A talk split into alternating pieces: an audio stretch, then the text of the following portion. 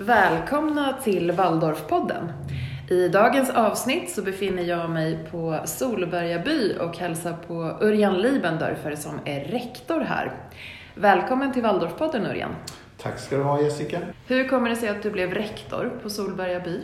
Ja, jag hade varit rektor i, på Waldorfskolan i Lund i några år och eh, vi hade bestämt oss för att flytta tillbaka till Stockholmsområdet och just då så sökte man faktiskt en rektor här. Så jag sökte det jobbet och fick det. Så enkelt var det.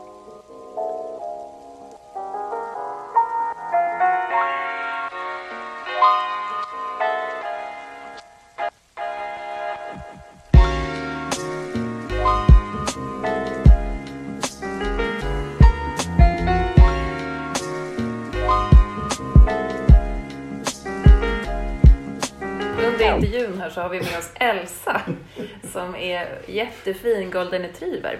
Så om ni hör lite ljud bakom så är det Elsa som går omkring eller dricker vatten eller så. Och som brukar vara med mig på kontoret. Ja, men du brukar ha med dig Vilma hit ibland också som är din andra hund. Ja, precis. Eh, inte båda samtidigt för att då bara Då blir det kaos. busar. Ja, precis. Det är som att ha hand om barnen här också. En i taget. Då får du berätta om hur Solbergaby startade upp. Ja, för en eh, 75 år sedan så var det några stycken som eh, eh, hade jobbat på Mikargården eh, som bestämde sig för att tillsammans med en del barn eh, starta upp en verksamhet precis här i när- närheten av Mikargården. Det är bara några kilometer bort. Man började i ett litet rött hus som fortfarande finns här på området, ett litet torp. Och sedan har egentligen verksamheten vuxit sedan dess. Gustav Ritter då som var en av de som var med och startade verksamheten, han ledde den ända fram till, eh, ja det var väl kanske i början på 2000-talet och hans eh, fru Agate bodde här på området och var delaktig lite grann på ett hörn ända fram till förra året när hon gick bort, 99 år gammal. Oj, ja. Så att eh, det är en verksamhet med lång tradition. Det som var speciellt då första 30-40 åren det var att man bodde då tillsammans med barn och ungdomar eh, som hemma i, i bostäderna. Alltså medarbetarna hade barnen boende hemma hos sig. Och sen så tog man något till skolan och till verkstäder och man arbetade så att säga tillsammans med barnen och ungdomarna. Det var mycket ungdomar på den tiden, alltså lite äldre även upp i gymnasieålder. Man hade stor trädgård förstås och odlade egna grönsaker. Det fungerade som en självförsörjande verksamhet i hög grad med otroligt lite pengar förstås där föräldrarna betalade för platserna i regel. Sen kom det där att ändra sig lite in på 70 80-talet när Eh, man fick dels ett annat samhällsstöd och dels så ändrades lagstiftning på olika sätt så att man inte längre kunde ha barnen boende hos sig utan då byggde man upp elevhem. 60-65 procent av barnen som går här går, bor då också på området på de elevhem som vi har enligt LSS. Och eh, resterande kommer då som ex- externa elever, framförallt lite yngre barn som kommer in som dagelever. Och de dageleverna kommer från hela regionen runt så långt man kan åka taxi i princip. Framförallt härifrån Södertälje, Salem, Nykvarn, även Stockholm. Det är inte så många yngre barn som kommer hit och flyttar hit. Även om det har blivit fler de senaste åren som är i de lägre skolåldrarna. Men framförallt är de i eh, tonårsåldern. Och eh, genom att vi då har externa elever så får vi in yngre barn också. Och eh, särskilt nu sedan några år så erbjuder vi också fritids, skolfritids och då har vi, eh, får vi in 6, 7, 8-åringar som vi inte fick så mycket förut, förr i tiden. Så att idag så har vi en väldigt god spridning egentligen från 6 års ålder upp till 16-17 år här på skolan. Hur många medarbetare är det sammanlagt på skolan då? Alltså på skolan har vi ungefär 50 medarbetare. Eh, och det är naturligtvis väldigt mycket om man tänker att vi har eh, 46 barn. mycket därför att barnen inom träningsskolan som är vår eh, största del, alltså den, den långsammare delen av grundsärskolan. Där eh, har vi väldigt mycket ett till ett lösningar, alltså att eh, man behöver en assistent per barn. Så därför så blir personalgruppen väldigt stor. Totalt på Solberga så har vi väl ungefär 130 medarbetare. Och eh, tillsammans med timanställda upp till eh, närmare 200. Och eh, skälet till det är framför allt att vi har då eh, elevboende dygnet runt, året runt. Vi behöver personal på nätter och på helger förstås och även på alla lov. Många av de som bor här eh, besöker sitt hem eller åker hem eh, ganska begränsad omfattning även om vi alltid gärna ser det men det är inte så lätt olika skäl. Så därför så kommer många barn att vara kvar, kvar här i praktiken. Mm. Eh, så att därför har vi väldigt stort personalbehov också på andra tider än skoltid. Mm. Jag var ju med dig och tittade runt här på alla verksamheterna som ni har runt omkring här för, för bara en liten stund sedan. Eh, och en sak som jag verkligen blev extra tagen av det är ju hur välorganiserat det är men också hur väldigt tydligt det är för alla barn och ungdomar var de ska vara, vad de ska göra och just den här liksom lugnet som mm. finns. Och jag tänker att när jag går runt och besöker andra skolor så kan jag ibland känna att även de barnen skulle ju må bra av de här typerna av rutiner och, och de här mm. sammanhangen. Absolut, det tror jag absolut. Om jag, men om man tittar lite på den här målgruppen som vi har så är ju den, för det första så läser de då inom grundsärskolan. Eh, för det andra så har de väldigt ofta en kombination av olika funktionsnedsättningar. De har ofta autism, de har i stort sett alltid en utvecklingsstörning eh, och kanske ytterligare eh, två, tre olika typer av funktionsnedsättningar som har en väldigt komplex svårighet och med oftast med ett påtagligt inslag av autism. Och i princip alla barn som har ett inslag av autism har ett väldigt stort behov av Eh, ordning och reda, förutsägbarhet, kommunikation, struktur, att man upprepar saker, att man hela tiden har en väldigt eh, fast och tydlig organisation. Det är då de här barnen känner sig trygga. Och om de då har en kombination att de dessutom har andra svårigheter till exempel med förståelsen eller med kommunikationen. De allra, allra flesta barnen här talar inte på ett vanligt sätt eller talar väldigt begränsat. Måste man ha annan typ av kommunikation, med tecken, med bildkommunikation och annat. Då måste man i princip bygga hela verksamheten kring kommunikation, tydlighet, förutsägbarhet och relation. Eh, så vi jobbar väldigt mycket också med relation så att barnen känner sig trygga, att de känner igen våra medarbetare, att de vet vad som förväntas av dem, att de också eh, kan eh, med trygg, i trygghet följa med till exempel assistenter som man, man byter lokal eller någonting sånt eller man går till något annat klassrum och gör någonting och sånt, att de känner sig trygga i det. Så att relationen är också oerhört viktig. Eh, så vi jobbar väldigt mycket med att medarbetarna ska eh, vara medvetna om betydelsen av relation och betydelsen av kommunikation för att barnen ska må bra och känna sig trygga här. Och eh, många av våra barn eller elever kommer hit i en situation där de har haft en lång historik av otrygghet. Eh, de har till exempel bott på många olika familjehem eller bott på kortis eller har på andra olika sätt eh, haft eh, situationer som inte är bra. De har, har bott kanske hemma men det har varit väldigt svårt för föräldrarna att ta hand om barnen. Mycket därför att det här är barn med väldigt hög komplexitet och, och kan också vara väldigt utåtagerande. Kan också skrika och göra andra saker som gör att de är väldigt jobbiga att ta hand om. Och eh, kommer ofta hit utifrån ett eh, ett ganska kaotiskt tillstånd. Inte alla, men en hel del. Och eh, då är det ju exceptionellt viktigt att vi jobbar med då trygghetsskapande åtgärder och att få dem att liksom landa i Solbergamiljön. Den stora fördelen vi har är att det här är ju, särskilt om man bor här, så är det ju en sammanhållen miljö. Det är korta avstånd. Man går från elevhemmet till skolan på fem minuter. Eh, ofta tillsammans med någon medarbetare från skolan eller från elevhemmen. Man vet vad allting är, allt är överblickbart. Man lär ganska snart att känna hela området. Man, vi har en fantastisk park och skog precis utanför knuten här som man kan röra sig i. Och eh, man utsätts inte för den här typen av förändringar som många barn eh, idag gör eh, när man bollas mellan olika stationer. Hemmet eller kortis Eh, skola, eh, andra typer av verksamheter eh, och har haft en stor osäkerhet egentligen i vad det är egentligen som gäller. Och blir ju på det sättet också betydligt svårare att ta hand om för att den här oron sprider sig. Så att våran, väldigt mycket av vår framgångsfaktor skulle jag säga är att vi har den här sammanhållna, väldigt trygga miljön. Det fantastiska området som vi har här. Men också medarbetarnas kompetens. Det, är en, eh, det här är en, en kompetensverksamhet eh, som handlar enormt mycket om att medarbetarna i alla kategorier måste veta vad eh, man gör och varför och hur som är vårt arbetssätt. Och vi pratar ganska mycket om Solbergaandan som ett sätt att sammanfatta då vad som är vårt arbetssätt och vårt sätt att förhålla sig till barnen och till varandra. För det var min nästa fråga, hur pass mycket kompetens det krävs hos var och en. För det är ju olika tjänster såklart. Vissa är ja. lärare, vissa är assistenter som du nämner och så. Men tänker att det måste ju vara oerhört viktigt att man mm. hittar rätt, rätt kompetenser och rätt personer i ett sånt här samman, det är stort sammanhang. Det är oerhört viktigt, men det är förvånansvärt ofta, särskilt vad gäller assistenter och boendepersonal, hur ofta det verkligen handlar om eh, att hitta rätt personlighet. Jag blir ofta förvånad just hur, hur eh, svårt det kan vara att förutsäga eh, hur vad som är en bra medarbetare här.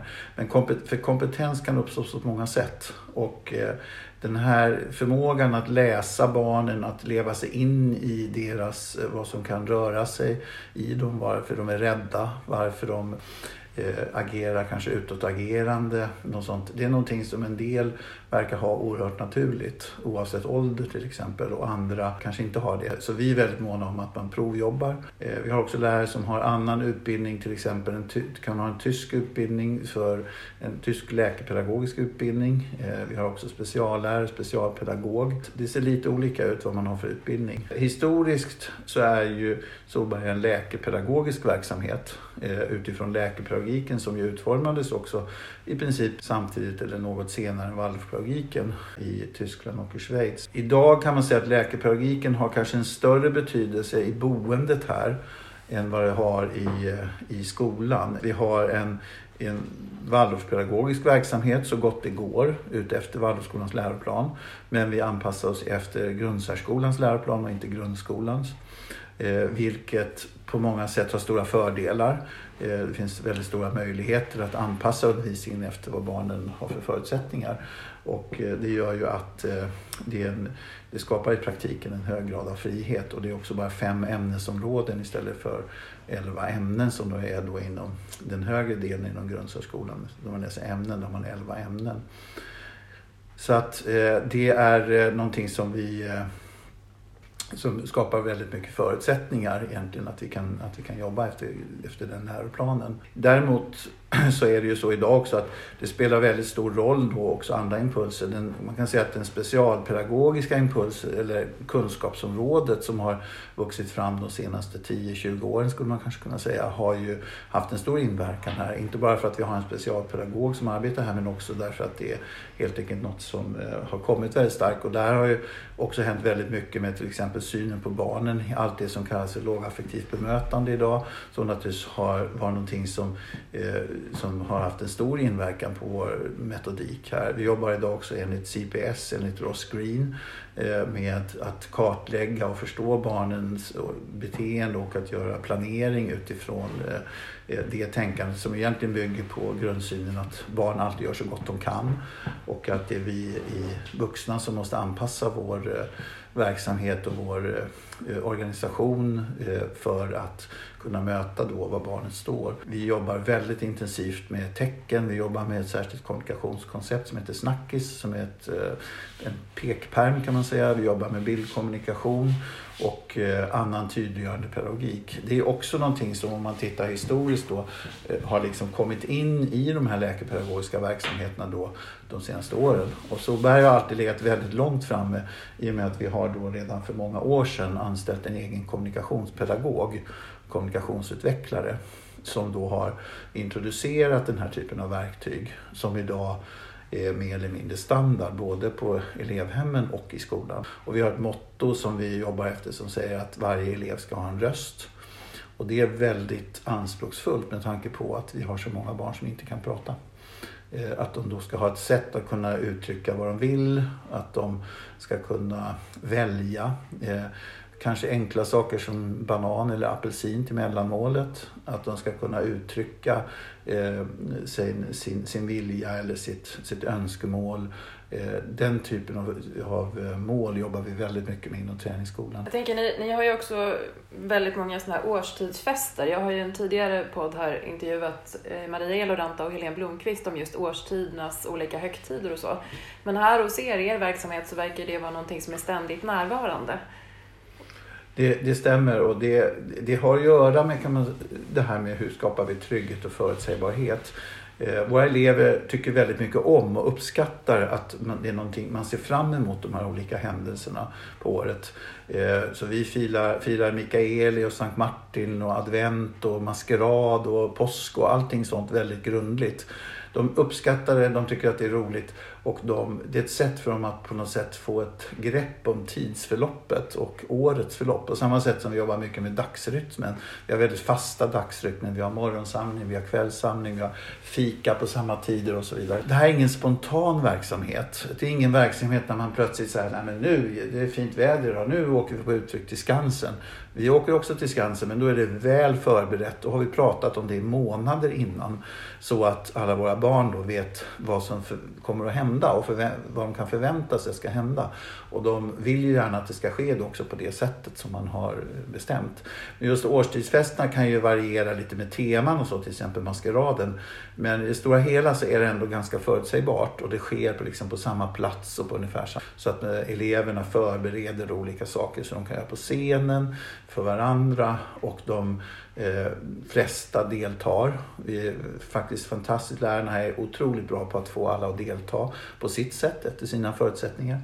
Men att på något sätt skapa den här lugna eh, förutsägbarheten, det, där hjälper årstidsfesterna till faktiskt och gör att eh, vi, vi kan upprepa eh, saker. Man vet att man jobbar inför någonting.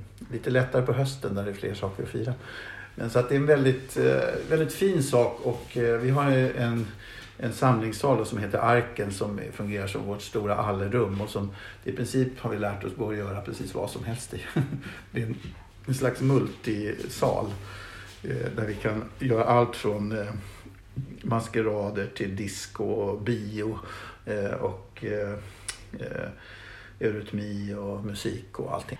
Tema det, Indien var det ni skulle ha. Ja, vi, vi plockar ju lite. Vi försöker ju som sagt knyta an till Waldorfskolans läroplan. Det är olika hur mycket det går i klasserna.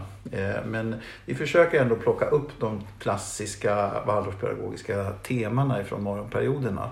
Eh, och eh, på något sätt ta in dem. Och särskilt för de elever som läser ämnen då som är lite mer eh, studieorienterade, då kan det ju verkligen bara fungera bra.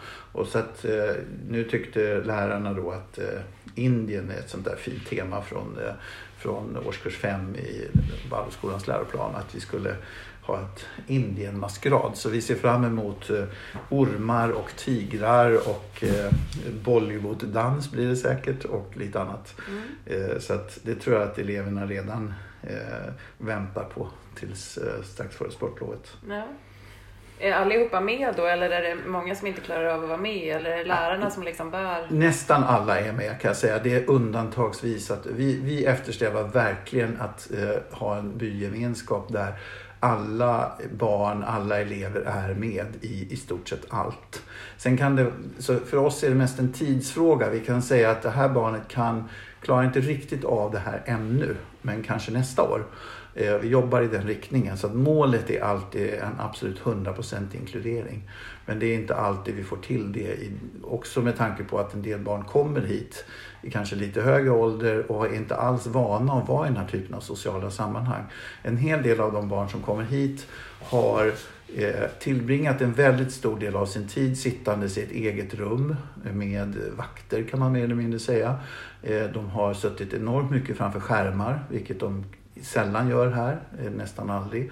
Eh, de har eh, haft en förvånansvärt och ganska sorgligt torftig tillvaro just därför att man har inte sett hur man ska kunna inkludera dem i verksamheten i den skola som man har, eller klassverksamhet. Vårt mål är alltid att försöka inkludera och vi kommer väldigt, väldigt långt med det. Vi tror att, eller menar att alla barn har rätt till att vara inkluderade i ett socialt sammanhang.